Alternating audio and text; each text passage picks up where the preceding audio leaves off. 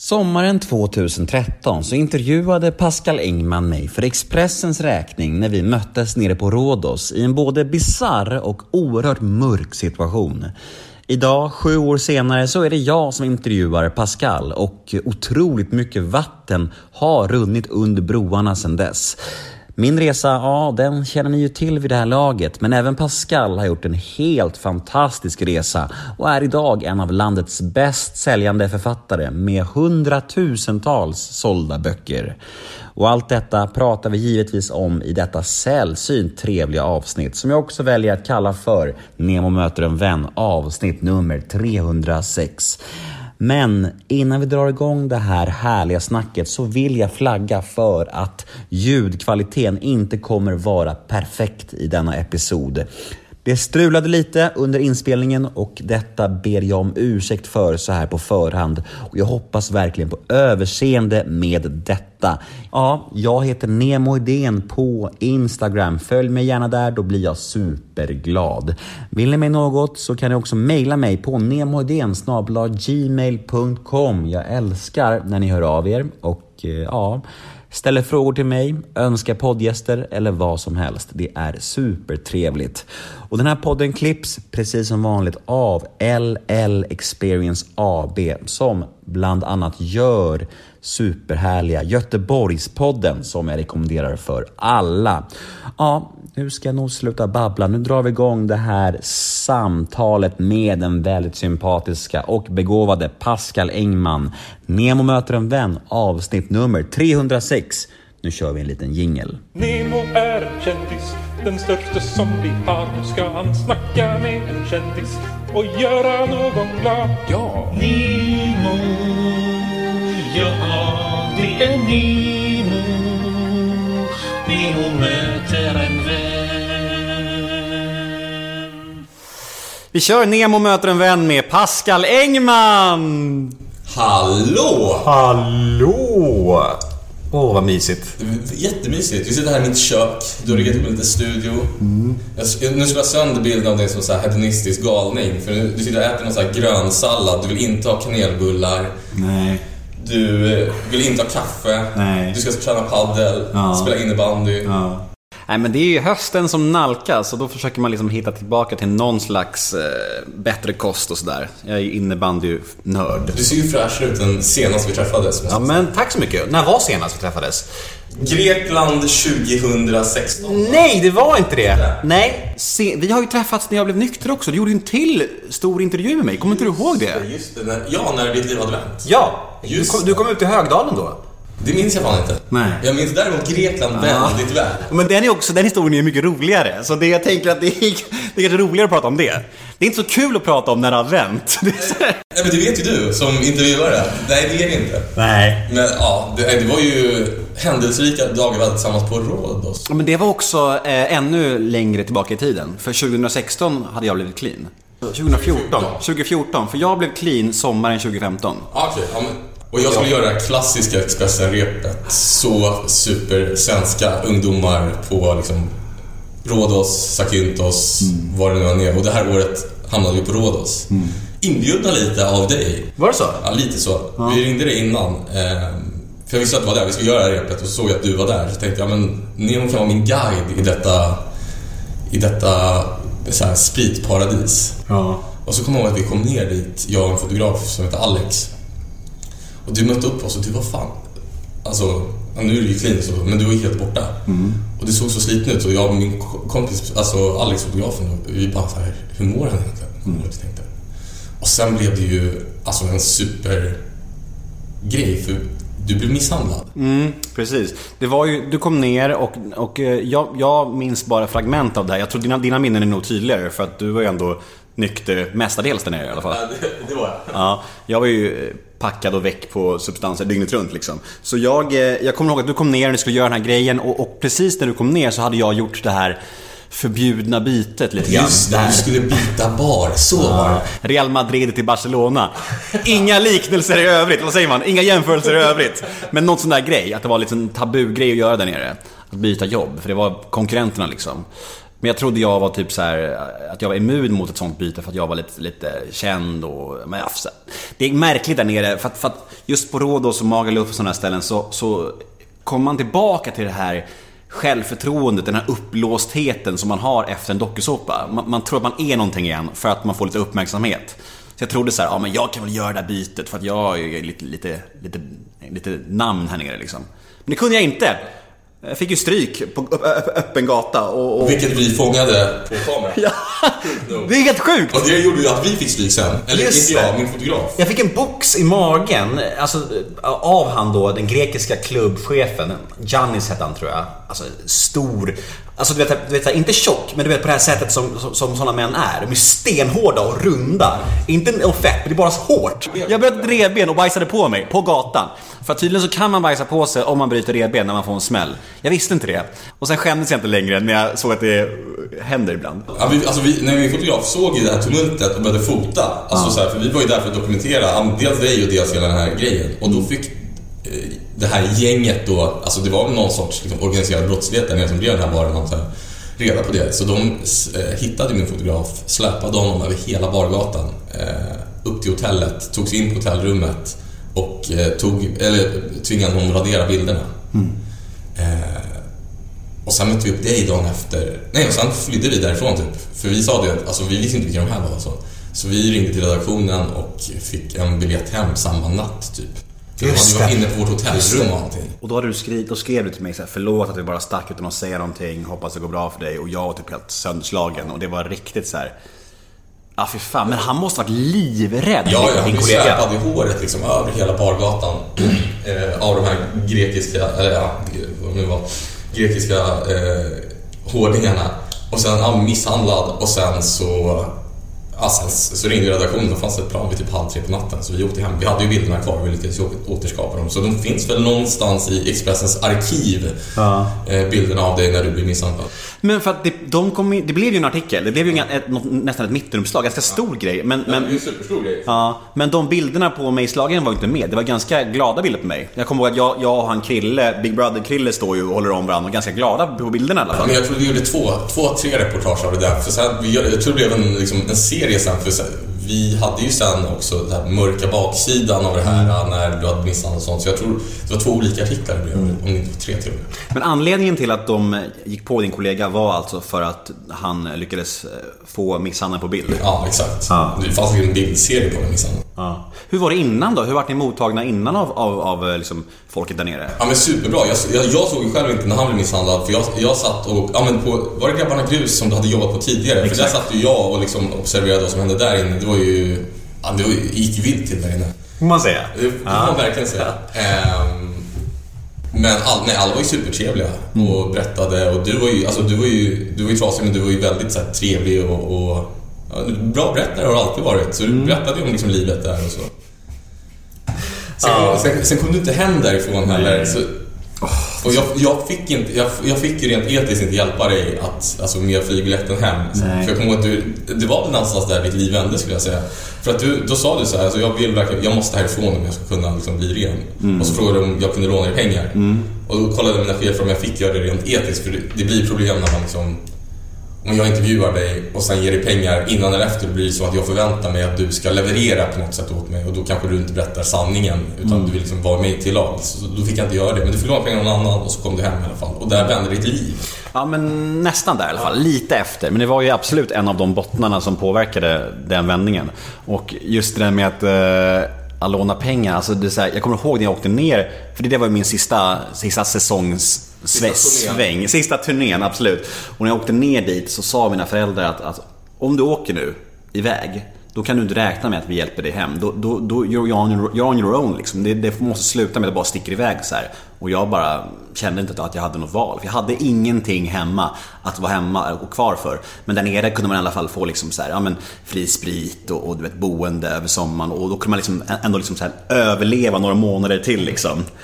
Så jävla mörkt, men det var exakt så det var. Så jag, bara, jag offrade det liksom så här, men fuck you mamma, pappa, pappa, jag måste göra det här liksom. Så är det! Ja, eh, fina minnen tänkte jag säga, men det var det inte. Hemskt på många sätt. Men det var del av livet. Ja, absolut. Och sen fick du faktiskt göra, även om du har glömt det, fick du göra Ja, en... men jag kom på det nu, för du hade just fått någon, någon av de här nykterhetsringarna, om det var att du hade varit nykter i ett år när jag gjorde den andra intervjun med dig då. Ja, men precis. Och då, en ganska stor intervju. Den var väldigt fin. Och då, och då var du ute i Högdalen och vi gick där och då... Ja, och så var det din första liveshow också, var där och bevakade. Ja, men exakt. Det var det ju också. Den här gången när eh, Filip Hammar inte dök upp. Så var det. Ja, så det finns några möten. Och nu sitter vi här igen. Och nu sitter vi här igen och nu är det ombytta roller! Ja. Nu är det du som ska intervjuas av mig. Härligt ändå. Ja, du, men du är väldigt skicklig nu, måste jag säga. Du är en skicklig intervjuare. behöver inte säga det, men tack ändå. Du också. Jag lubbar dig så här inför. Det får du gärna göra. Och eh, då får jag lubba tillbaka. Och det betyder alltså att, för att under de här åren så var det så många människor som var så ganska, som inte vågade förknippas med mig eller ens prata med mig. Och du var alltid väldigt trevlig mot mig, även när jag var i skiten. Och det får man Jag fan... snackade skit om dig bakom ryggen Ja, det gjorde du säkert, Nej, gjorde det är helt okej. Jag hade- Jag hade gillat det. Ja, det var fint. Eh, men var det första gången vi sågs på Rhodos? Alltså sågs överhuvudtaget? Nej, vi hade setts någon gång innan för annars, alltså jag hade ju ditt nummer och sånt liksom så jag kunde ju ringa dig och få tillgång till dig på det sättet så vi måste ha setts någon gång. I vimlet. Alltså jag är ju aldrig ute så jävla mycket så, men alltså något, något, något med arbetet måste jag göra. Ja, ja säkert. Säkert någon eh, Brinkenstierna turnéartikel. Ja, det, ja, så kan det nog ha varit. Förmodligen. Förmodligen. Magnus Hedman på scen och Jockiboi och allt vad det nu var. De, ga- de gamla goda tiderna. Verkligen. Men nu sitter vi här i din fantastiska takvåning i Vasastan. Är det här, är det här man hamnar när man säljer 200 000 böcker? Ja, Jag har nog sålt mer än så hoppas jag, men... eh, Nej, men det är Hur många har du sålt? Totalt vet jag inte, men senast vi sålde 100, över 100, 106 kanske nu. Det är otroligt. Ja, det, det, ja, det är det faktiskt. Det är jag stolt över. Det trodde jag fan aldrig skulle ske. Ehm, nej, men vi flyttade hit för typ en månad sedan. Eh, rent- geografiskt så befinner vi oss ovanför en av de här bordellerna som det gjordes tillslag med, eh, mot. Jag såg i Aftonbladet dagen efter jag hade köpt lägenheten, min nya port med liksom en razzia. Ah, shit. Eller så här bilder från en razzia. Eh, och sen här på hörnet var det ett café som sprängdes för typ fyra månader sedan. Eh, så vi sitter i, på Tulegatan i Vasastan. Hade det påverkat ditt beslut att köpa lägenheten om det var efter det här? Nej, det hade det inte. Det var bra att den här eh, bordellen upptäcktes. Liksom. Eh, men, Såg du Paolo? Eh, nej, men det var, det var inte Paolo, Paolo bordellen. Det här, är det här är den som ägdes av en polis. Ja. Eh, så jag finns antagligen dessutom på, på så här spanarbilderna från dagarna innan tillslaget. För vi var ju här med hantverkarna och skulle så här, kolla vad, vad de skulle renoveras och sånt. Eh, och sen gick jag ut och jag liksom, vi såg, ska man säga, men så här, lätta i steget ut när vi klev ut. Hade varit här i 15 minuter. Det är ju liksom samma port, samma ingång sånt. Så antagligen finns jag på, på spanarnas bilder. Lite spännande också. Ja, alltså jag var ju lite orolig så jag, jag hörde faktiskt av mig till en av en polis jag känner som är en källa till mig som brukar hjälpa mig med böckerna och så. Och sa att jag finns antagligen på era bilder men så att du vet så har jag just köpt en lägenhet i samma port. Det är därför jag finns på bilderna och ingenting annat. Och det, det tog hon bra. Hon typ skrattade. Kan det här ge lite extra inspiration till nästa bok kanske? Nej, alltså... Jag skriver, alltså i, i Änkorna då som släpps nu så handlar ju bo, äh, stora delar handlar om en, en lyxprostituerad kvinna. Eh, det bygger ju också på en person jag känner väldigt väl som intervjuat mycket som rest runt i hela världen som liksom, lyxprostituerad och legat med en liksom, kända fotbollsspelare, liksom, miljardärer och sånt. Eh, så det är väl den enda kopplingen, men boken var redan klar när jag flyttade in här och de här razziorna började så att det finns ingen riktig koppling mellan razziorna och min nästa bok, eller nästkommande bok, kanske. Jag tror att eh, Änkorna släpps samma dag som den här podden släpps. Så det blir superaktuellt. På, på måndag va? Ja, på måndag. Ja, perfekt. Ja. Du, eh, men visst är det din fjärde roman? Det är min fjärde roman. Ja. Och då har jag en fråga kring det. Är det. Blir det roligare eller tråkigare? Blir det svårare eller lättare? Eh, Det blir mycket roligare och det blir mycket lättare. Alltså man blir ju bättre på allting. Ehm, och sen tar man det mer seriöst. Alltså när jag skrev Patrioterna, det var 2016. Det tog, var det en sprängning vi hörde?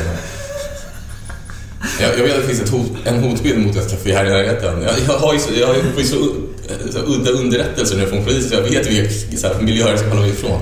Men, Det hade varit mycket mer spännande om du sa så här. Jag vet att det finns en hotbild mot mig. ja, exakt. Nej, Det hoppas jag att det inte finns. Efter den här boken kanske. Ja, eller hur? Ehm, på måndag finns jag inte. Jävlar vad, vad lyssnat hade blivit. Då hade den här intervjun flygit! Ja, verkligen.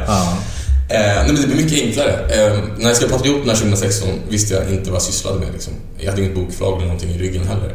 Och sen, då var jag inte lika disciplinerad som jag är nu. Nu går jag upp liksom åtta på morgonen varje dag.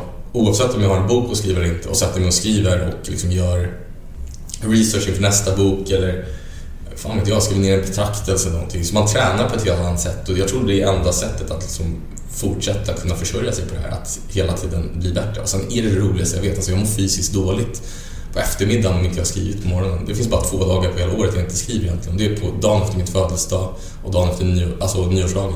Är det för att du är bakis då? Ja. ja. Och annars skriver jag även om jag är bakis. Liksom, för jag, men det är mitt jobb, jag måste se det som ett jobb. Även om det är det roligaste jag vet så vet jag att den liksom, friheten och den, eh, fan ska man säga, det privilegiet bygger på att jag faktiskt levererar böcker och ber- berättelser och historier och då måste jag ta det väldigt seriöst. Liksom. Har du några förebilder eller inspirationskällor? Alltså till böcker, alltså, jag läser ju väldigt få deckare och thrillers och det är deckare och thrillers jag skriver men alltså Jan Guillou var ju en inspiration när jag var yngre. Jag läste ju Hamilton-böcker när jag var 15-16 liksom och blev helt besatt av dem. Ehm, Leif GW är också en otroligt bra deckarförfattare. Ehm, alltså Camilla Läckberg som jag eh, har jobbat nära liksom så är också fantastisk på, på att bygga historier och liksom berättelser. Så det finns jättemånga förebilder. Läckberg, ja vi kommer till henne Pascal. Vi kommer till henne. Ja, nej men hon är, hon är, hon är fin, hon är fin. Du, jag tänkte att vi ska leka en liten eh, lek. Härligt. Som heter associationsleken. Vi börjar då? Ja. Första ordet är faktiskt tre ord, men det är intervjua kontra intervjuer. Alltså jag är mycket mer bekväm med att intervjua. Men det är också, eller är det det du menar liksom? Ja. Nej, men det är också för att jag är en, alltså jag är så jävla nyfiken på människor. Jag, jag hade ju hellre velat sitta och intervjua dig än att bli intervjuad själv för att man är ju, man, man känner ju sig själv redan. Jag tycker det är roligare att prata med andra människor om dem än om mig själv. Eh, och jag är nog mycket bättre på att intervjua än att bli intervjuad också, om jag ska vara helt ärlig. Vi får, väl, vi får väl se idag. Exakt. Jag kan ju ut, utvärdera efter. Det, det här blir mitt före och efter. Men du har ju jobbat på Expressen så många år. Hur många år var det? Fem. Fem år. Och du har väl intervjuat i princip alla i den svenska offentligheten kan man säga. Ja. två, tre gånger. Ja, exakt. Och vi pratade ju lite innan när vi stod på mickarna här om olika speciella intervjuobjekt som vi, eftersom vi båda har gjort många intervjuer. Vilka sticker ut skulle du säga genom åren? Vil- Ja, men Bruce Springsteen var ju speciell alltså, för det var ingen bokad intervju utan jag tog in på Grand Hotel samtidigt som han kom till Sverige i syfte att få till en intervju. Jag bodde där i tre dagar, liksom snackade med livvakterna, snackade med hans management, liksom försökte smöra mig in hos dem. Du lubbade honom. Ja, ja via, via hans biffiga livvakter liksom. Och så var jag på gymmet varje dag i typ 7-8 timmar på det här Grand Hotel för han gymmar ju skitmycket. Och till sist, efter två, tre dagar kanske, så, så när, alltså då hade vi hälsat på varandra typ. Och då presenterade jag mig och sa att jag kom från en svensk tidning. Han bara, jag har sett dig. Jag bara, skulle jag kunna få ställa några korta frågor liksom. Han har inte gett en intervju i Sverige på jag vet inte hur många år liksom. Och det, det fanns ingen planerad intervju med något medium liksom. Och sen till sist så stod vi där. Han stod, han liksom stod och lyfte någon hantel och jag stod där och ställde några frågor och antecknade snabbt på mobilen. Och sen dagen efter blev jag utkastad från Grand Hotel när den här intervjun som på två, tre sidor liksom publicerades i Expressen. Men det var liksom den enda svenska intervjun han gjorde. Um, och det, alltså det var ju otroligt, för det var ju... Någonstans var det en bragd liksom att... Ja, men att lyckas få en världsstjärna att prata på det ganska intima sättet han pratade med mig på. Eh, det vet du, det är, det är väl det som är det speciella med intervjuer folk. Man känner att man verkligen kommer in på livet liksom. Man får dem att säga saker de inte har tänkt säga. Ehm, Så det var väldigt speciellt. Sen minns jag liksom intervjuer Hå- Håkan Juholt till exempel, när han hade blivit avsatt som, som partiledare. Efter typ ett halvår så tänkte jag, fan, vad är jag ser, eh, Håkan Juholt idag? Då visade det sig att han åkte liksom runt i Sverige och pratade på så här Folkets hus typ, för så gamla, gamla sossar. Så då åkte jag med honom på en sån turné liksom. och det var, det var också en väldigt fin resa. Jag kommer ihåg att han, han var väldigt sårad liksom, över hur han hade blivit behandlad. Och ändå fortsatte han åka runt i Sverige och liksom prata. Förr hade han pratat som, liksom för tusentals personer, tv-intervjuer och sånt och nu stod han liksom på Folkets hus och käkade en vetelängd och pratade med liksom gräsrötterna i, i, i partiet. Och det var så jävla fint också att se. Ehm, Håkan är ju, alltså han är, han är fantastisk. Jag tycker verkligen det. Alltså jag, alltså, alltså jag, jag kan, jag, jag fick såna, jag, jag gjorde ju honom ganska tidigt. Det var ju liksom så här fem år sedan kanske, fem och ett halvt år sedan. Och, och det var också, ja men något, när, när var det han blev avsatt? Vilket år var det? Min- Kan vara 2015, 2016 kanske. Ja, men, ja, men det var en stund efter det i alla fall. Precis. Och, det var, och, och jag noterade samma sak som du är inne på. Att, att han, är, han har ju en värme och... och, och, och En innerlighet. Ja, och man, man känner så starkt att han, att han är en fin och bra människa som bara vill väl. Det finns inget, liksom, det finns inget så här cyniskt, det finns inget så här... Och det är ju... Jag tycker, jag, tycker så mycket om, jag tyckte så mycket om honom bara. Och jag blev så ledsen när, när han pratade om hur fel det hade gått. Man, man, bara, man bara, men fan liksom. Ja men, nej, men jag vet. Nej, men, och han, just det här att han åkte runt liksom, det var så tydligt att några månader tidigare hade han liksom haft Säpo med sig en stor apparat, pressekreterare och allting. Och nu satt han liksom i en hyrbil och körde själv till, jag tror det var Långhyttan i Dalarna var på, liksom till ett slitet förfallet Folkets hus där liksom Ja, men inte ens 50 personer, 20 personer lyssnade på honom. Men han gjorde det ändå och det visar ju någon sorts driv och liksom vilja att det var inte bara makt, eller det var inte makten han var sugen på, för den hade han förlorat, utan han var sugen på att påverka folks vardag och berätta om sina idéer, sin vision för Sverige. tycker jag var väldigt fint. Fick en ökad respekt och förståelse för politiker också. Fast kanske referens för Håkan Juholt bara. Kanske så. ja. Jag, jag tycker det, så politiker får oförtjänt mycket skit, i alla fall svenska politiker. Jag träffar ganska många, jag tycker att de är hårt arbetande. Liksom. Det, är, det är jävligt svårt att vara politiker skulle jag säga. Men du, då sticker alltså Bruce Springsteen och Håkan Juholt ut lite grann. Ja, men sen... sen alltså, Du måste ju ha många fler tänker jag. Vem är den kändaste? För, ja, men Bruce är tung. Bruce är tung. Charlie Sheen fick, tungt alltså. fick jag dock aldrig intervjua. Nej. Eh, Han, han blev vans, hans manager blev vansinnig på mig och kastade ut mig innan. Eh, vi var på någon sån här takterrass. Ja. Och så hade Aftonbladet varit och intervjuat honom innan. Jag jobbade på Expressen. Och då tyckte Charlie Sheens manager att de hade ställt så jävla dumma frågor. Och då började jag försvara Aftonbladet-reportern av någon konstig anledning. Ja. Eh, ja, men, det var liksom en ung tjej som han stod och skrek på. Då blev, jag, alltså, då blev jag irriterad och så började jag förklara att så här, här i Sverige ställer vi vilka frågor vi vill, du kan inte styra oss. Jag hade väl någon sorts här, demokratisk grindvaktskänsla i kroppen då. Och det slutade med att han kastade ut mig också, så jag fick ju aldrig Charlie Sheen. Men jag, jag satte mig vid honom och snackade ett tag och bara, tycker du det här är okej? Ja. Eh, och det sa han, eh, så här, talk to my manager, he's in charge. Ja. Ehm, men så jag blev utkastad av Charlie Sheen och hans manager. Jag vet inte, finns det mer? Camilla Läckberg tycker jag alltid, alltså, känner, alltså nu känner jag henne, nu ser jag henne som en vän, men innan tycker jag också hon var så otroligt vänlig mot, mot journalister. Det är inte alltid alla är det, liksom, särskilt inte i nöjessvängen, liksom, nöjesjournalister. Men hon var, jag kommer ihåg någon gång när jag hade, jag var ju såhär Let's Dance-reporter också på Expressen. Väldigt roligt gig på många sätt, men så här, och hon var alltid ja, men den snällaste och liksom den som visade sig, men Ja, men så- som var schysst mot en. Hon hälsade på gatan liksom. Hon kom körande i sin jävla så här, leopardfärgade bil som hon hade på den tiden. Då tutade hon liksom och så här, låtsades köra över en eller så här, pekade finger på skämt och sånt. Och det gillar man ju ändå för att... Eh, men det vet ju du att så här, kändisar och så här, musikfolk och mediefolk, alla, någonstans är det ett spel också, för man är ju beroende av varandra. Det finns ju ingen anledning att ha så dåliga relationer. Fast många så här, Många bygger upp någon sorts här spelad indignation i media fast halva deras karriärer bygger på att media har skrivit om dem. Men det där är så svårt också för, för jag kan ofta känna så att jag får väldigt bra G med mina gäster liksom och, och klickar liksom och känner att man blir typ kompis med dem så här. Sen så kanske man inte blir det. Att det liksom bara är just ett, ett, ett skådespel att de vill vara artiga liksom så här. Och jag blir bara så här naiv och bara så här, men vi kanske äter lunch någon dag liksom. Inte så att jag hör av mig då liksom, det vore ju ganska cringe. Men, men den där, att känna av sånt där om det är på riktigt eller inte tycker jag också är rätt svårt. Ja men verkligen. Nej, men, och, det, alltså, och det är ju deras jobb att vara trevliga mot medier också och få dig som intervjuare att känna att åh, hen vill bli kompis med mig. Eh, För det smickrar en. Alltså man är ju inte mer än människa. Det är klart man blir smickrad om ja, men, någon känd musiker eller artist liksom låtsas vara polare med. Mm. När de säger så här, åh vilken bra fråga. Ja, exakt. Och man bara... Det är bara ett sätt på en tankepaus. Det är det. Äsch då, den där gamla frågan dammade jag av för din skull. Men, men om vi vänder på steken då. Vem har varit liksom otrevligast eller svårast genom alla år? Våga säga det nu. Ja, men jag, måste, jag, jag måste på riktigt ta en tankepaus i så fall. För du är ju ingen journalist längre. Nej, du kan ju faktiskt bjussa på det här. någon som har varit riktigt jäkla otrevlig.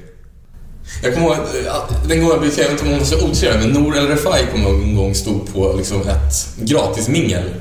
Ett, ett vimmel för en, en restaurang. Som, det här var början av min Expressen-karriär, så jag gjorde sån, någon sån här vimmel på, jag tror det var Vapiano som skulle öppna i, i Skatteskrapan. Och då gick jag fram och bara, ja men som man frågar så här, ja, tycker du maten är god? Typ, för hon stod ju ändå och äter gratis buffé från liksom ett företag. Och då, sa, då kollade hon på mig och jag sa typ så här, var kommer du ifrån? Jag bara, Expressen. Hon bara, jag pratar inte med Expressen. Eller jag pratar inte med media eller vad hon sa. Och då tycker jag, det tycker jag är så här. Dels är det lite fräckt tycker jag, att stå och käka en gratis buffé när man ska göra marknads... Alltså så här, när hon är där för att ja, men, prata med media någonstans. Det är ju kontraktet man skriver på när man går på, på en, på en vimmeltillställning. Eh, och sen tycker jag, ja, men det, det var väl otrevligt. Sen tror jag, jag tror knappast hon minns det här eller att det var någon big deal för henne och hon var inte... Så det finns värre saker än vad Nour El Refai sa då som hänt i världen. Men det tyckte jag var så här onödigt. Ehm, så ja. Jag ska podda med henne i höst. Jag kan fråga henne om hon minns det här. Ja, det kan du göra. Minns du när du var otrevlig mot Pascal Engman på ett... Ett vimmel 2011 i. Han är inte långsint alls, men han tänker på det än idag. Tio år Det senare. var det första som slog Det finns säkert fler som jag inte minns. Det är ändå, du är ganska... Man får säga att du är nu förskonad. Om det, Ja. om det är det värsta. Ja, men du ska ju tänka på att jag hade ju hand om Expressens söndagsintervju också så att det, alltså, folk var ju trevliga mot mig. Ja. Alltså, så här, det fan, man, får, man har ju någon sorts medial makt också när man är profilerad på en kvällstidning liksom. Så folk är ju trevliga mot en då. Ja, kanske är Sen, så. sen har jag säkert, jag har säkert varit dum i huvudet på många sätt genom mina år så jag har säkert, det finns fog till folk som har varit otrevliga mot mig också men jag var ju ganska förskonad från de otrevligaste just eftersom jag var ganska profilerad och hade någon sorts medial makt. Får man säga. Ja, okej, då går vi vidare i den här leken då. Det blev ganska långt på den här första punkten. Men det är helt okej. Och det är också lite charmen. Det kan bli hur långt som helst och det får bli så. Nästa är faktiskt ett namn och vi snuddade vid henne, vid henne nyss, men jag tycker vi kan utveckla kring det. Och det är Camilla Läckberg. Och jag vet att ni har en ganska speciell relation med att ni korrläser i varandras böcker, eller hur funkar det? Korrläsa, det har man ju redaktörer som, det. som, som korrar språk så. Men vi, alltså vi hjälper, Berätta, berätta. Ja, men vi hjälper dem med historierna. Eh, hon lärde, alltså, jag lärde känna Camilla ja, men under Dance-tiden. Så redan när jag skrev Patrioterna 2016 så skickade jag faktiskt manuset till henne och det hon sa då var att det saknades en kvinnlig huvudkaraktär i den. Eh, så då skapade jag en kvinnlig huvudkaraktär som alltså, typ gjorde boken, så jag är evigt tacksam för det. Um, men hon, alltså hon är hon är så otroligt snäll mot nya författare som kommer in i branschen och liksom, ja, men en vänlig människa. Hon har hjälpt mig så otroligt mycket med, liksom, med att dels eh, med liksom, själva storybyggandet i böckerna men också genom att så här, lyfta mina böcker i mediala sammanhang och sånt. Um, och hon... eh, Ja, nu, numera när jag har blivit lite skicklig så hjälper jag henne med hennes böcker också. Liksom. Och det är jättestort. Alltså, mina böcker säljer bra i Sverige men hennes är liksom, det är böcker som ska ut över hela världen. Hon har sålt 23 eller 24 miljoner böcker. Liksom. Eh, så det, alltså, det är nästan roligare att, alltså, på många sätt är det roligare att sitta och hjälpa henne också med hennes böcker. För det är, liksom, det är ju en, inte världsnyheter men, ja, men på många platser är det liksom ja, men miljontals människor som läser hennes böcker. Eh, och att få vara med på den här resan är helt sjukt. Men hur mycket lyssnar du på henne då? Om hon skulle säga så här, nu kanske inte hon säger så, men om hon skulle säga så här, stek den där karaktären, han, är, han tillför ingenting. Nej men då skulle jag nog lyssna.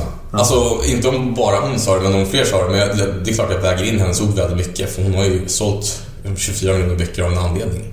Eh, hon är extremt skicklig på liksom storytelling och, och byggande av, skapande av, av böcker och karaktärer och allting sånt. Eh, så nej, men det är klart jag skulle lyssna väldigt nog om hon tyckte att jag skulle steka en karaktär. Alltså nog, nog mer än på någon annan. Faktiskt. Ja, intressant. Nästa ord är alkohol. Alkohol. Eh, alltså jag, jag... Min tjej säger att jag dricker ganska mycket. Ryan Reynolds here from Mint Mobile. With the price of just about everything going up during inflation, we thought we'd bring our prices down. So to help us, we brought in a reverse auctioneer, which is apparently a thing. Mint Mobile unlimited premium wireless. Ready to get 30, 30, bit to get 30, bit to get 20, 20, 20, bit to get 20, 20, bit to get 15, 15, 15, 15 just 15 bucks a month. So, Give it a try at mintmobile.com slash switch. $45 upfront for three months plus taxes and fees. Promo rate for new customers for limited time. Unlimited more than 40 gigabytes per month. Slows. Full terms at mintmobile.com. Hon är orolig för att jag har ju, eh, alltså hela min släkt är typ missbrukare. Eh, jag tänker ganska mycket på alkohol. Eh, alkohol är liksom, jag är en ganska kontrollerad person. Så jag söker väl någon sorts liksom, att stänga av bruset ibland. Och det gör jag genom alkohol. Eh, så jag har väl, alltså jag har, när jag drack senast, det var fem, sex dagar sedan. Eh, jag dricker väl två gånger i veckan. Eh, jag, har liksom inte supit mig full full på ganska länge. Men det har, med ålder att göra också. Eh, men jag har, alltså jag har en komplicerad relation till alkohol på så sätt att jag har många missbrukare i min släkt så jag vet vad alkohol kan göra med människor. Eh, och jag har sett missbruk på nära håll. Samtidigt som jag tror att jag har, alltså ingen är immun mot alkoholism, jo det finns väl vissa som är, men så här, jag tror att jag har ganska bra koll på mitt drickande. Hoppas jag i alla fall. Hur gammal är du förresten? 34. Borde jag veta kanske? Men, 85 86. 86 mm, Ett år äldre än mig. Alright, eh, nästa ord är Alexandra Kissy Nilsson. Ja, alltså... Så här var det ju. Det, det här, den här storyn går tillbaka 20, till 2010 måste det ha varit, när jag jobbade på Nytt 24. Denna eh, otroliga... Detta yxhugg i den mediala svenska historien. Det var ju så att vi kom över en video på Alexandra Nilsson och hennes bror som då dessutom var krönikör på Nytt 24 när de delade ut, satte upp klisterlappar för Nationalsocialistisk front. Eh, Så jag ringde upp Alexandra och bad henne om en kommentar till det här för vi tänkte ju publicera klippet för hon var ju en av oss, alltså hon var Sveriges största bloggare då tillsammans med Kinsa och Blondinbella antagligen. Ehm, och då blev hon helt vansinnig. Jag spelade såklart in samtalet. Eh, och ja, men hon hotade, jag kommer inte ihåg vad hon sa, men bland annat att, jag, att hon skulle skicka folk på mig och om jag publicerade det här klippet och sånt. Och då, liksom, det blev ju en story i sig då, alltså att hon satt och hotade en journalist på det sättet. Och det, alltså, det togs upp i Rapport och alltså, Aktuellt, alltså, det blev ju en riksnyhet verkligen. Ehm, och sen var det inte så mycket mer. Eh, Den här Peter, då hennes bror, ehm, jag vet inte vad han gör idag, men han... eh, Han, han har lämnat landet. Har han? Ja, han, han har bott i USA i flera år. Jag poddade med, med Kissy för drygt eh, ett och ett halvt år sedan kanske. Och då berättade hon om att Peter bor i USA sedan typ tre fyra år. Nej, men, och, alltså, och sen slutade historien där trodde jag, men då läste jag Alexandras, eller delar ur den, för jag fick höra att jag var omnämnd i den. Och då stod det att jag innan det här samtalet ska ha kallat henne citat typ fitta eller hora och hotat henne. I hennes blogg alltså? Skrev hon det här? Nej, det skrev hon i sin självbiografi som hon släppte för några år sedan. Okej. Vilket är, alltså... Jag har aldrig, alltså, jag har aldrig gjort det varken privat eller som journalist. Och jag skulle, alltså, jag skulle nog ännu mindre göra det som journalist eh, om jag ville få någon att prata. För det är inte ett bra sätt att få någon att prata. Eh, så det, men jag tog ganska illa vid mig för att det var en sån uppenbar lögn. Och jag, alltså, jag har svårt för lögner för att det är så, alltså, särskilt när de drabbar en själv. För jag, jag har ganska stor respekt för sanningen. Eh, och det, det påverkade mig ganska mycket när hon skrev de sakerna om mig. För att jag tänkte så här, men tänk om min mamma eller syrra eller liksom, ja men någon tror på det här. Eh, men Har du fått chansen att dementera det här någonstans då? Nej, för jag, jag, jag sa det till Expressen också. Så här, det var när jag var på Expressen. Då sa jag alltså det här står i, i Alexander Nilssons biografi. Det här är absolut inte sant. Men ni ska veta det ifall att liksom någon, ifall någon ringer och ställer frågan från Dagens Medier eller Resumé eller sånt. Och då sa de, ja men det är ingen fara, vi, vi litar på dig. Så här, och det finns ju alltså, ingen, ingen anledning att tro på det här. Så det var liksom en ren lögn från hennes sida. Så det, det störde mig. Eh, samtidigt som, alltså jag tror att just den, hela den Kissy-affären hon hotade med och sånt någonstans byggde mig också som journalist på Nytt 24 och i förlängningen gjorde att jag blev värvad till Expressen. Men just det som hon säger, att, att du skulle använda de här ordvalen relativt oprovocerat. Det, det är så här, det är ju ganska långt från den människa som jag känner dig som. Alltså, det, det, jag, jag, jag ser inte ens att du har det i dig. Nej, nej men det, det har jag verkligen inte. Jag skulle aldrig kalla någon det. Alltså, så här, och, men, och ännu mindre, det, alltså säkert när jag var yngre, när jag var 15-16 kan jag säkert säga som någon, någon men liksom, jag var ändå 25 år gammal eh, och alltså, vill få en att prata. Då vet väl du också att det är inte bästa sättet att starta en konversation på är att ringa och kalla någon de sakerna. Nej. Hur slutade allt då? Fick du någonsin eh, röka fredspipa med henne? Nej, eh, nej. Var, jo, vi träffades någon gång, men det var alltså en månad innan jag läste det här i boken så träffades vi faktiskt på, var det Mr French i någon, grej och då, då rökte vi faktiskt fredspipa, trodde ju jag. Ja. Och då sa jag så här, ja men så här, vi, då, då var vi så här, jag bara- Little did you know Ja, att en bok låg i pipen då. Ja men då, jag, jag, bara, jag tror hon, jag, jag kom fram eller hon kom fram, det minns jag inte. Jag vill inte så här hitta på saker men på något sätt började vi prata och då sa vi så här, men så här, vi lägger det här som hände bakom oss och, och går vidare. Då satt hon där alltså, och skrev samtidigt på, det här, på de här lögnerna om i sin bok tydligen. Men eh, ja, jag, jag önskar henne allt gott i livet ändå. Alltså verkligen, jag hyser ingen agg mot henne idag. Hade du önskat henne allt gott om ditt liv gick åt helvete just nu och du mådde piss? Nej, det hade jag nog inte gjort. Nej. Alltså, när ens liv går bra så blir man ju mycket större och mer så här, Ja, förstående och förlåtande människa. Det känner jag verkligen igen. Plötsligt när man själv mår bra så snackar man inte skit längre. Nej, men exakt. Ja, det är konstigt det. Ja, bra. Nästa ord är ångest. Alltså, jag är nog en ganska... Jag har varit en ganska ångestbefriad person. Skönt. Ja, samtidigt som jag... Eller jag- så här, jag har nog haft ångest utan att förstå att det är ångest jag har. Sen på senare år så har jag nog kunnat sätta ord på ångesten. Jag har till exempel... Nu har jag lite ångest. Eh, för det där jag sa om Nor. Så det får jag så lite så här, ja, men, så här, vad det är nödvändigt att säga. Det är en mikroångest. Men det är klart, jag kan ha jättemycket ångest för, ja, för framtiden och sånt. För, alltså, jag tycker mitt jobb är så jäkla ro, roligt så jag, jag tänka så här, allt hänger bara på mig. Om jag ska fortsätta med det här och så här, allt måste gå så bra för att det här ska gå i lås resten av livet. Eh, jag är livrädd att behöva liksom gå tillbaka och ta ett, starta en vanligt jobb igen. Det, det kan jag få ångest av. Sen kan jag få ångest av...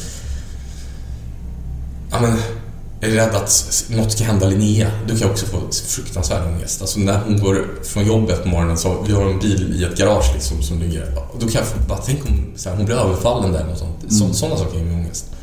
Eh, men det är, ingen, alltså det är ingen ångest som har påverkat mitt liv. Jag är ganska bra på att släppa ångesten också. Jag kan rent fysiskt liksom så här. Jag vet vad jag ska göra för att slippa ångest också. Jag vet inte vad, vad det är för verktyg jag har men det, nog, det måste vara något från min uppväxt liksom att jag... Eh, mina föräldrar bråkade ganska mycket. Eh, alltså jag hade en jättebra barndom men de bråkade ganska mycket och högljutt. Men jag har alltid kunnat stänga av det liksom. Shit, nu är jag känslosam. Fan märkligt. Ja. Ehm, så jag är ganska bra, jag, jag kan tänka så här, du kan inte påverka det här. Du kan inte göra någonting åt det. Och därför kan jag, slä, det- då kan jag släppa ångesten. Eh, så. Men du, du pratar om det här med rädslan för att gå tillbaka till ett vanligt jobb. Hur, eh, hur, långt, hur långt break tar du mellan när du släpper en bok ifrån dig och börjar på nästa? Eh, typ en dag. Alltså jag börjar på nästa direkt. Inte börja skriva på den direkt. Men jag börjar direkt att göra research, tänka på den, eh, skriva, liksom, skriva strukturen på nästa roman. Vad den ska handla om, om jag har ett tema.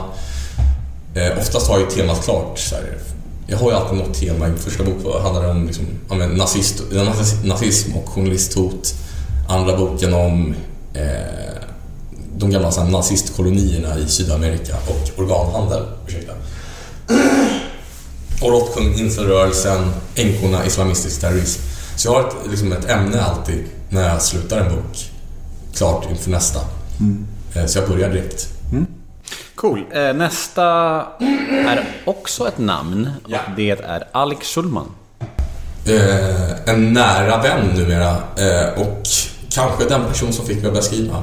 Eh, vilket jag tyckte var ganska jobbigt ibland för jag var väldigt lik honom i liksom ett uttryck eh, när jag skrev och är mycket än idag. Men det var väl 2007 när jag läste Alex Schulmans första blogg då på Aftonbladet som jag, ville, som jag insåg så här, men jag vill jobba inom media. Jag tror att det var många som jobbar, alltså många unga människor som jobbar i media idag som valde media på grund av den bloggen och på grund av hans tilltal. Plöt, alltså plötsligt... Jag kommer ihåg någon gång när han hade... Han hade... Vad fan hade han gjort? Han hade, plagierat... han hade plagierat Filip Hammars krönika. Han hade gått in i Aftonbladets arkiv. Han var krönikör då. Kopierat hela texten och skickat in den som sin egen i liksom samma tidning några år senare. Och då tänkte jag så här, fy fan vilken ångest han måste ha nu. Fy fan, vem gör så här? Och så går jag in på Dagens Media och läser så här rubriken Ibland skriver jag själv, ibland snor jag. Och att jag tänkte så här, men får man göra så? Får, man, får man säga så? Får man driva med liksom den här upprörda stämningen som är mot honom på det här sättet nu? På det här, alltså får han, får han driva på det här sättet nu? Och jag tänkte så här, men det är klart han får det. Vad briljant. Ehm, och sen har han alltid varit väldigt snäll mot mig. Han har väl, jag vet inte, eh, alltid hjälpt mig liksom. Ehm, och nu, alltså nu träffar jag honom i stort sett dagligen. Vi sitter ju på Brillo båda två. Eh, Taverna Brillo då och en restaurang i Stockholm kan jag säga. Eh, De har ju stängt liksom på morgnarna men vi har fått koden och sånt så vi kan gå in där och skriva när det är helt tomt liksom för att båda tycker om att sitta och skriva i den lokalen. Eh, Så jag träffar honom varje dag, senast igår. Eh, Så han är en väldigt fin vän och en, kanske en av de främsta stilisterna i Sverige. Skribisterna, sa du det? Stilisterna. Aha. Skribister. Jag bara, skribisterna? Fint ord. Ja. Skribist. Kan man säga det? Nej, det kan, det kan man. Ja, fy fan vad nice. Vi myntar ett ord precis. Stort. Ja. Hur är din relation med Alex? Om jag får fråga. Ehm, alltså, jag vet inte vad jag ska säga. Det, det, det till och från, eh, skulle jag säga. Alltså, jag, jag, har väl alltid gillat honom och Sigge och de har hjälpt mig jättemycket. De har ju pushat för mig mycket i sin podd liksom. Och varit jättehjälpsamma hjälp, hjälpsamma och fina. Men sen så, i och med min boks släpp så vart det ju, så skar det sig ju mellan mig och Kalle. Eh, Just det, för ni var ganska bra vänner. Eller? Ja. Ja, vi var kompisar innan kan man säga. Men jag, men jag skrev ju om kungen av Tylösand på ett jävligt osensurerat sätt. Berättade liksom allt. Eh, om hur, alltså castingen och, och... För jag tyckte det behövde lyftas en gång för alla liksom. Och det tyckte Kalle var jävligt jobbigt. Att, för att han, han har duckat det ansvaret i alla år liksom. Och, och han blev skitarg. Och skrev ett ganska elakt sms till mig. I och med det släppet. Och efter det, det här var ju två år sedan. Efter det så har det väl inte varit så bra mellan mig och Schulmanbröderna. Men, men det känns som att är man på deras shitlist så är man ju där liksom. Eh, Men vi får se vad framtiden har att visa. Jag är inte den som är den. Jag tycker om att förlåta och, och försonas. Så jag hoppas jag kan bli kompis med dem framöver igen. Ja, bra. Eh, Vi kör nästa ord på listan då. Och det är Jimmy Åkesson. Jimmy Åkesson. Eh, kanske Sveriges skickligaste politiker. Eh, Ja, nästa ord då. Ja. Integritet. Ja, alltså, jag vet inte. Det på vad menar inte integritet. Eh, Min mamma har sagt att jag har hög integritet, att jag inte släpper in människor på livet. Eh, Om det är det, vad betyder integritet egentligen? Integritet, jag ser det ordet som typ privatliv nästan. Alltså man, alltså man har någon slags gräns. Ja, okej. Ja, du menar så. Nej, men, Jag kanske har fel, jag vet inte. nej, men, det, nej, men det, det är väl en hyfsad definition, skulle jag tro. Om vi utgår från den definitionen då. Så, Vad tänkte du om det ordet? jo, men det är väl ungefär så jag tänkte också. Eh, Men jag menar nog mer vilket sammanhang du menar. Liksom, om du menar jag mot medier eller liksom jag... Nej, men jag, jag är ganska öppen. Alltså, jag, kan, jag skulle kunna berätta allting för dig. Alltså, så här, saker, alltså som det här jag sa att mina föräldrar bråkade mycket när jag var liten. Det var inget jag hade tänkt sig eller någonting jag tänkt på på flera år. Men de lever ju så de, de, de skulle nog, alltså de har nog inga problem med att jag säger det, liksom försvara det. Eh, men eh, det är ju onödigt kanske att jag säger det om dem. Förstår du? Så där, på så sätt har jag ju ingen integritet. Men nej, jag, jag saknar integritet nu. Ja, då är vi två. Eh, Alexander Pärleros. Ja, men jag och Pärleros gymmar här nere på, på Sats ibland, brukar ses där. Jag tycker han är supertrevlig. Eh, duktig. Eh, har Sveriges bästa intervjupodd som jag brukar säga. Nej, men det vet jag inte. Men jag, jag, tycker, jag tycker han är trevlig. Jag tycker det är intressant också att han har sin militära bakgrund och sånt. Han har slagit sig fram som alla andra i livet. Liksom. Eh, och gjort det bra, måste man säga. Eh, så, nej.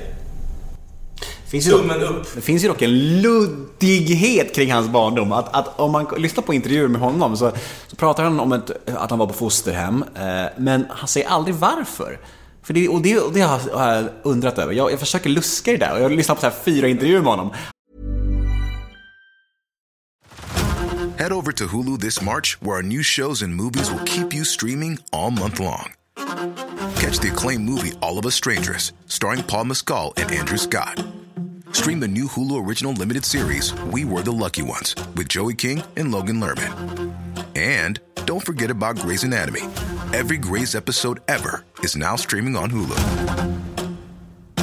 So, what are you waiting for? Go stream something new on Hulu. Han pratade så här, ja, jag var bara på fosterhem och, och det mellan mig och mamma. Så jag tog in på fosterhem och så tog in. Tog in låter som ett hotell liksom. Jag tog in sviten på fosterhemmet. Ja, men du förstår vad jag menar. Så jag är så nyfiken på det. Nej, jag har ingen aning tyvärr. Nej, det har ingen inside info. Tyvärr. Nej. Jag får fråga honom nästa gång jag ska med gymmet. Nu var det ett tag sedan. Kanske har bytt upp sig så han inte gymmar på Sats längre utan på någon sån här lyxgym. Säkert privat. Kanske Sturebadet. Kanske. Börjar snacka fint gym. Ja, nästa ord då. Pengar. Oj, vad mycket pengar du har nu. Nej men så, alltså, så mycket pengar. Jo, Nej. det är det. Försök inte. Nej men alltså pengar, alltså. Miljoner finns. Så, här, alltså, jag, skulle, alltså, jag, jag blir nog provocerad när folk säger att pengar inte är viktigt för att så, här, så kan bara en människa som har pengar säga. Eh, alltså, pengar, pengar gör ju så att jag kan skriva om vad jag vill. Eh, att jag slipper liksom ha ett dagjobb. Eh, vilket många författare i Sverige har idag.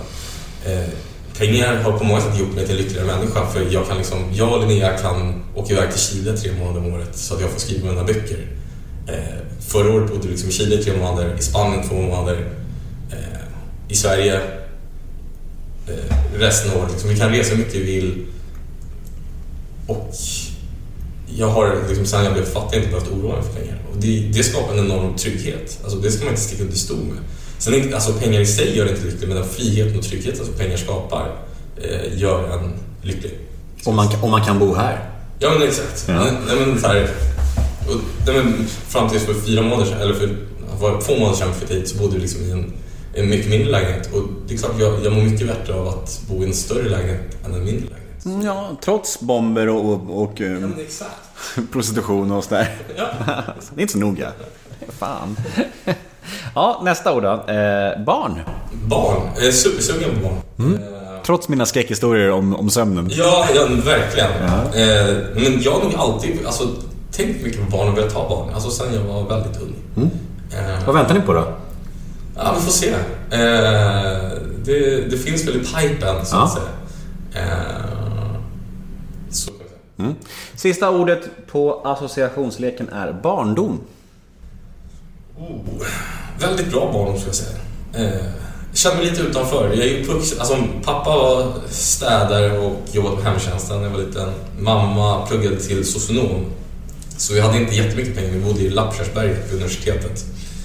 Eh, Men jag gick i skola på Östermalm, eh, på Östermalmsskolan. För jag antar att mina föräldrar ville ha mig där för att det var liksom en bra skola. Eh, så jag kände mig lite utanför för liksom, mina kompisar växte upp med, alltså, någon hade en helikopter, en annan bodde på Strandvägen. Det liksom, de hade sju, åtta rum. Lägenhet, lägenheten var alltid städad. Så jag kände väl på något sätt så här, ja, men lite utanför. Att jag var annorlunda. Det var, alltså, jag, vi hade, jag hade aldrig behövt gå hungrig eller någonting sånt. Alltså, verkligen inte. Jag hade skitbra barndom. Men det var någon sorts utanförskapskänsla som jag kände i barndomen. Också för att pappa, alltså, pappa har gjort mycket gott för mig. Och jag tror att det han sa också gjorde mig gott. Men han sa alltid så här, eftersom du är halvchilenare eller chilen så måste du alltid anstränga dig mycket mer än alla andra. För att annars kommer de säga att du, du är si och så för att du är chilenare. Eh, och någonstans ligger det någonting i det. Eh, men, men det skapade nog också ett utanförskap liksom, som inte hade behövt finnas där. För jag ser inte särskilt liksom, inom statiken utländsk ut. Eh, Bara läpparna. Ja, exakt. Mina monkey lips, som en A-lagare kallade dem en gång. Är det sant? Träffande. Fylliga. Ja, fylliga. Neandertalarläppar. Ehm, Så negativt. Men det är väl fint? det är ju sensuella. Alltså. Nej, men det är väl fint med stora läppar tänker jag. Ja, men tack. Ja. Ehm, nej, men så jag hade en väldigt bra barndom även om jag nog alltid har känt mig utanför på ett eller annat sätt. Det här som du nämnde förut då, det här med bråk. Vad var, vad var det? Hur tog, tog det uttryck då? Nej, men alltså, alltså, de, kunde, alltså, de hade högljudda bråk. Alltså, Ja. Det var inte så att det var fysisk misshandel, det var det verkligen inte. Men de skrek. Alltså, de tog alltid konflikterna framför oss barn. Och det tror jag att här, på ett sätt kanske... Det, det är inte bara dåligt. Jo, det är dåligt när man är i den åldern och ser sina föräldrar bråka på det sättet. Jo, men- jo, det är det väl generellt sett. Men det finns också någonting bra, måste jag ändå säga. Ja, verkligen. Alltså, att alltså jag vet inte, alltså, vad, vad, vad skadar ett barn mest? Att se eh, konflikter eller, att att, känna dem. Ja, att, att lyssna från något annat rum liksom. Vad är värst? Jag vet inte. Nej, jag har rätt. Men, det är det som är så, alltid, alltid så jäkla dubbelt i livet. Mm. Det, det är fan glad över att bli äldre, att man förstår att saker och ting inte är så jävla enkla. Det finns inget svart alltså ingenting svart eller vitt. Nej. Det har säkert gjort mig till en lugnare person i, liksom, i aggressiva situationer. Jag kan hantera dem mycket bättre. Tack vare att mina föräldrar bråkade kanske. Att jag kände mig ganska trygg i när liksom, men man hamnat i bråk på tunnelbanan någon gång när man var yngre. Liksom, att man kunde lugna ner situationen, man visste vad man gör för att inte få folk att liksom, ge en smäll på käften. Och det kanske kommer därifrån. Så något gott har det fört med sig också. Och det där du sa om att du har haft missbruk runt dig. Ja. Vad, vad menar du med det? Ja, men det är ju andra personer så det vill jag liksom inte prata om för det, det är, jag kan liksom inte hänga ut dem. Men det är alltså väldigt nära personer i min omgivning, i min familj, så- alltså i min släkt sagt, som har haft missbruk. All right. Du, ehm, vi ska gå till botten med en sak nu. Ja. Vi ska gå till botten med eh, en liten snackis som skedde för kanske ett och ett halvt år sedan. Det var när du skulle spökskriva Samir och Viktors bok. Ja. Ja. Och spökskriv, alltså det var ju, ja jo det kanske heter så. Det heter spökskriva. Ja, även om man är liksom, om det är uppe, alltså Ja, du lyssnade väl på dem när de berättade sin Ja, historia exakt. och du skrev ner den? Ja, Då är du spökskrivare. Bra, Ja.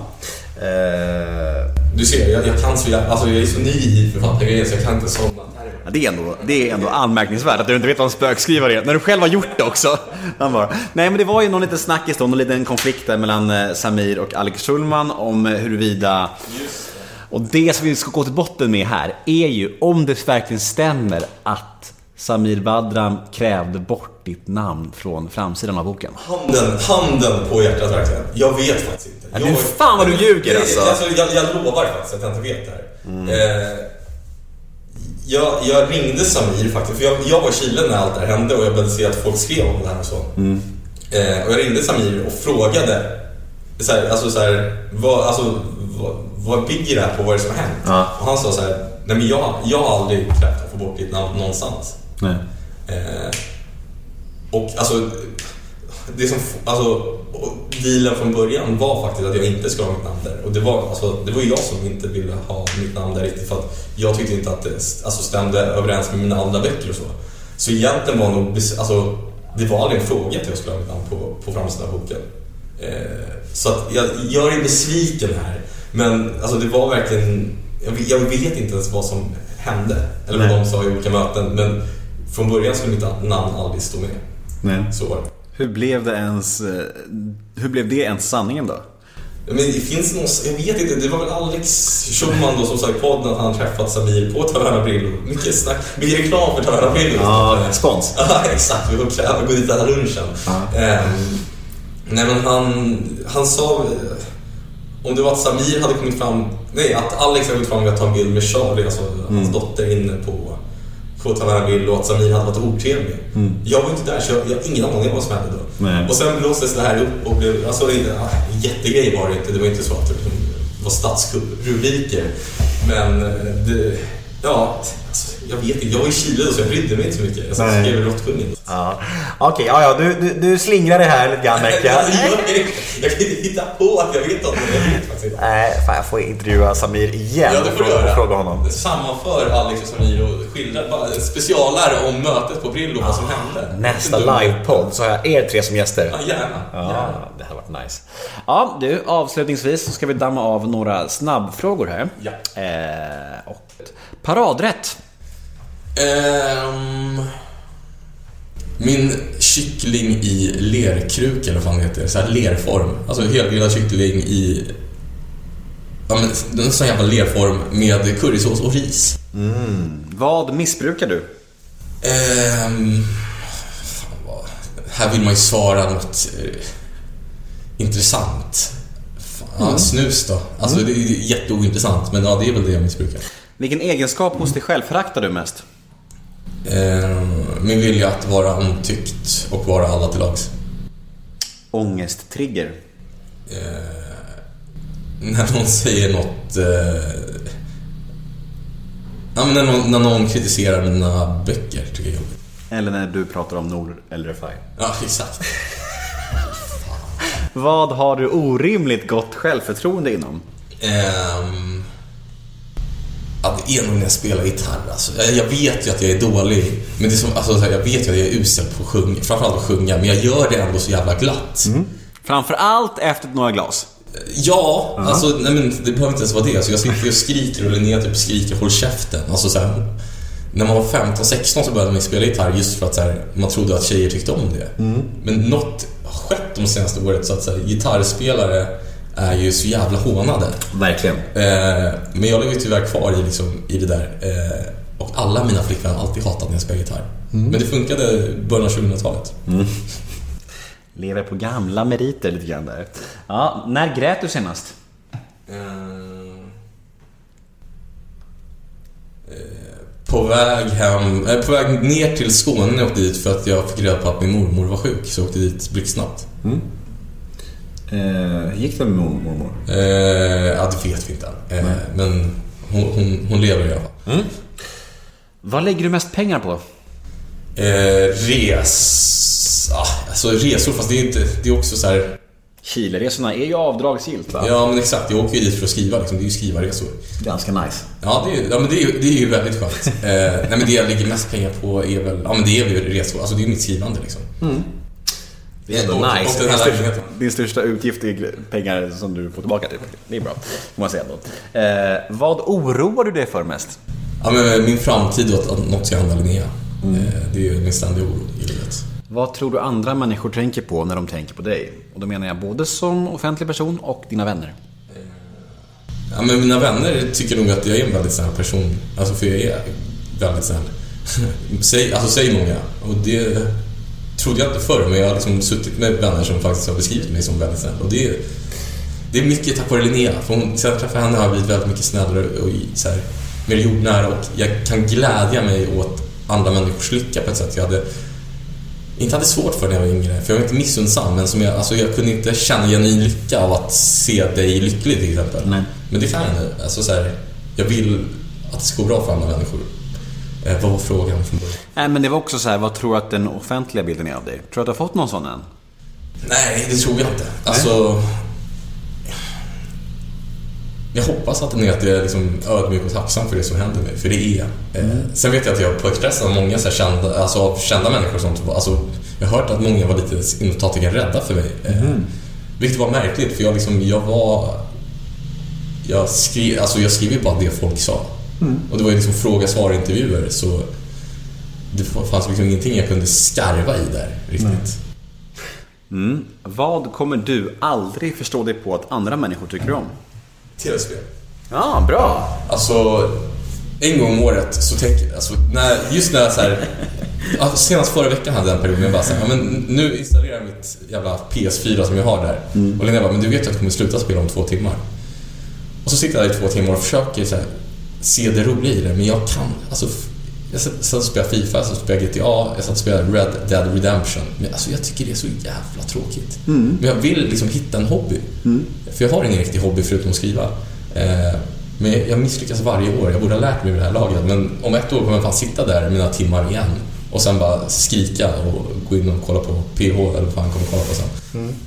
Det är ändå ganska lyxigt att, att liksom så här leta efter en hobby. För, om, för att vi andra människor försöker ju få in tid för våra hobbys. Liksom.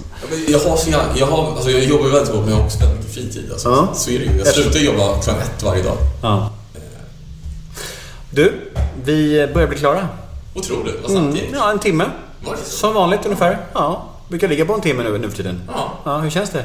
Väldigt bra. Ja, härligt. Du, du är skicklig. Detsamma. Du märkte inte att det var... Klubben för inbördes beundran. Ja, exakt. Nej, men jag tycker det- du skötte det bra som intervjuobjekt. Tack. Ja. Mm. Vad händer idag? Ehm, vad händer idag? Jag ska på ett möte. Släpper ju Änkorna idag, inom citattecken. Ehm, så jag ska på ett möte med mitt bokförlag. Sen ska faktiskt fira en kompis ikväll som har blivit cancerfri Okej. efter tre år. Så det ska en lyckans dag detta. Verkligen. Eh, tack för den här stunden och lycka till med boksläppet. Tack själv. Hej då!